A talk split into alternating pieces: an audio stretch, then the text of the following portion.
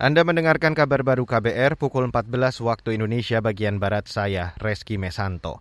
Saudara Ketua Umum Partai Demokrat Agus Harimurti Yudhoyono atau HY memutuskan untuk mengganti Lukas NMB menjabat Ketua DPD Partai Demokrat Papua dengan anggota DPR RI Willem Wandik. Willem ditunjuk menjadi pelaksana tugas atau PLT Ketua DPD Partai Demokrat Papua.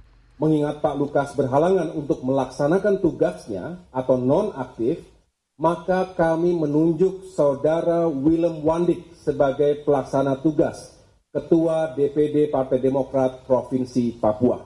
Hal ini sesuai dengan anggaran dasar Partai Demokrat pasal 42 ayat 5. AHY meyakini Willem Wandik memiliki kapasitas dan integritas untuk melaksanakan tugas dengan sebaik-baiknya. Saat ini Willem menjadi anggota Komisi 5 DPR RI. AHY menambahkan nantinya dalam proses hukum jika Lukas NMB tidak terbukti bersalah, maka dapat diangkat kembali pada jabatannya sebagai Ketua DPD Demokrat. Tetapi jika terbukti bersalah, maka sesuai dengan fakta integritas, partainya akan mengangkat ketua definitif melalui mekanisme musyawarah daerah luar biasa.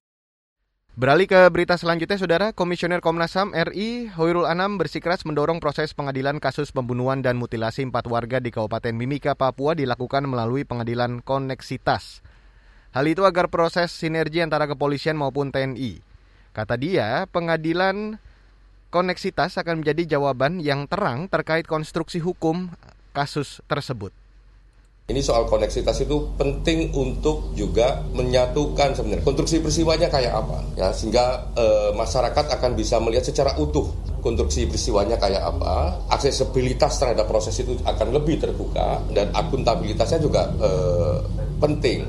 Karena ini kasus mutilasi ini kasus kasus yang mendapatkan perhatian yang besar. Tidak hanya oleh masyarakat Papua tapi juga oleh masyarakat e, nasional gitu. Komisioner Komnas HAM RI Hoirul Anam, Saudara, pembunuhan dengan cara mutilasi terhadap empat warga di Kabupaten Mimika terjadi di distrik Mimika Baru 22 Agustus lalu. Keempat korban adalah Arnold Lokbere, Irian Nirigi, Lemaniel Nirigi, dan Atis Tini.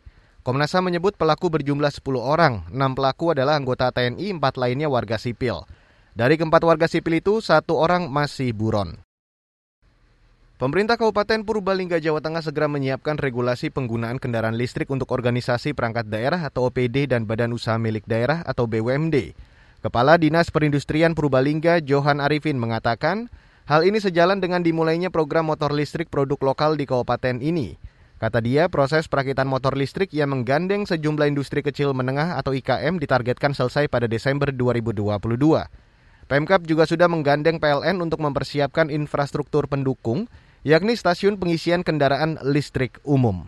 Kita sudah koordinasi dengan PLN Purbalingga dan mereka komit berkomitmen untuk nanti membangun stasiun pengisian kendaraan listrik untuk umum. Yang portable malah sudah disiapkan oleh ke depan uh, mungkin dalam jangka waktu juga tidak begitu lama uh, akan ada regulasi terkait penggunaan kendaraan listrik. Pertama memang untuk OPD-OPD pemerintah, kemudian mungkin untuk BUMD. Intinya secara regulasi nanti pemerintah Kabupaten Purbalingga siap untuk mendukung itu. Johan Arifin menjelaskan percepatan motor listrik di Purbalingga ini merupakan respon atas program pemerintah pusat untuk mengurangi emisi gas rumah kaca. Ke depan dia berharap Purbalingga menjadi wilayah yang siap memproduksi motor listrik saat penggunaan kendaraan ramah lingkungan ini masif di tengah masyarakat. Terima kasih Anda sudah mendengarkan kabar baru yang dipersembahkan oleh kantor Berita Radio. Saya Reski Mesanto.